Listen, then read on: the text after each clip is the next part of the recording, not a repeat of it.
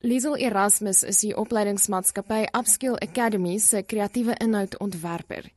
Sy sê hulle is die afgelope jaar oorval met vrae oor die nuwe wetgewing, of dit ooit geïmplementeer gaan word en hoe ernstig dit is om die wetgewing te oortree.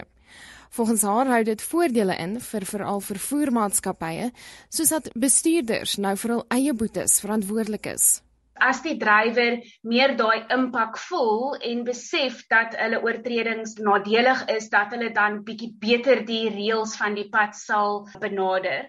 Dan van die ander positiewe is as jy enigsins nou met verkeersboetes werk, weet jy dit is 'n absolute nagmerrie om 'n lys van jou verkeersboetes te kry. Jy moet na verskillende platforms toe gaan soos PayCity, PayMyFines en nie eers dan kan jy al jou verkeersboetes nasionaal op een platform kry nie. So van 'n maatskappy se oogpunt af is boetebestuur ongelooflik moeilik op die huidige proses wat ons nou volg. So wat aardie dit gaan vergemaklik. Die positiewe is dat jy op een stelsel al jou boetes nasionaal sal kan kry.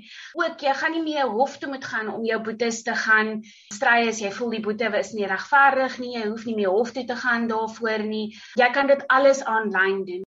Volgens haar is dit dus uiters belangrik dat maatskappye wie se werkers van die wetgewing afhanklik gaan wees, goed opgelei is in hoe dit werk. Sy waarsku dat die relevante maatskappye nie moet sloer nie, omdat die wetgewing reeds geïmplementeer word.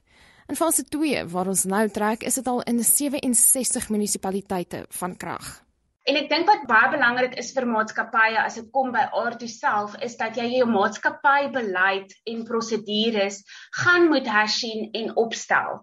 Wat gaan jy maak as van jou werknemers nie meer hulle werk kan verrig nie omdat hulle te veel punte het of hulle lisensie tydelik opgeskort is?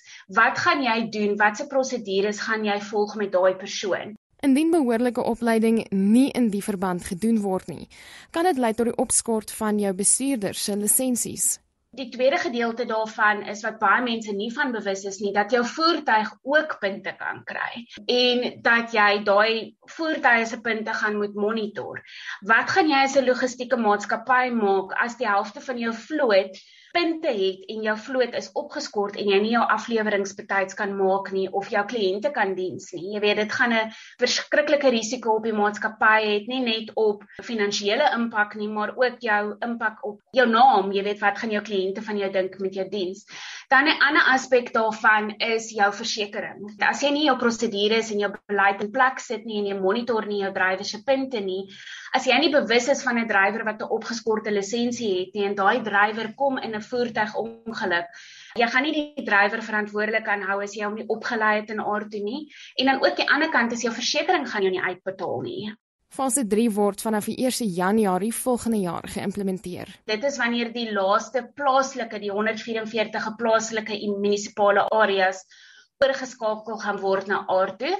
En dan fase 4 is die een wat ons almal voorbang is en dit begin die 1 Julie 2022 en dit is wanneer die punte tekortstelsel in werking tree.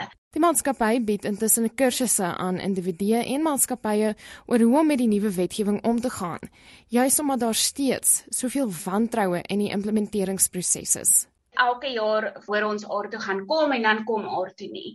So ek dink daar's 'n baie groot wanindruk dat mense dink aard toe gaan net weer uitgestel word.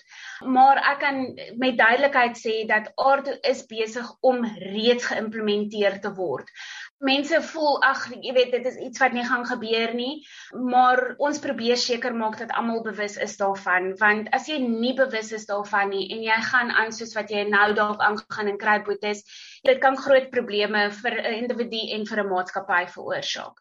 Dit was Cecil Erasmus die opleidingsmaatskappy Upskill Academy se kreatiewe inhoudontwerper Marlene Forsie is hy kan nuus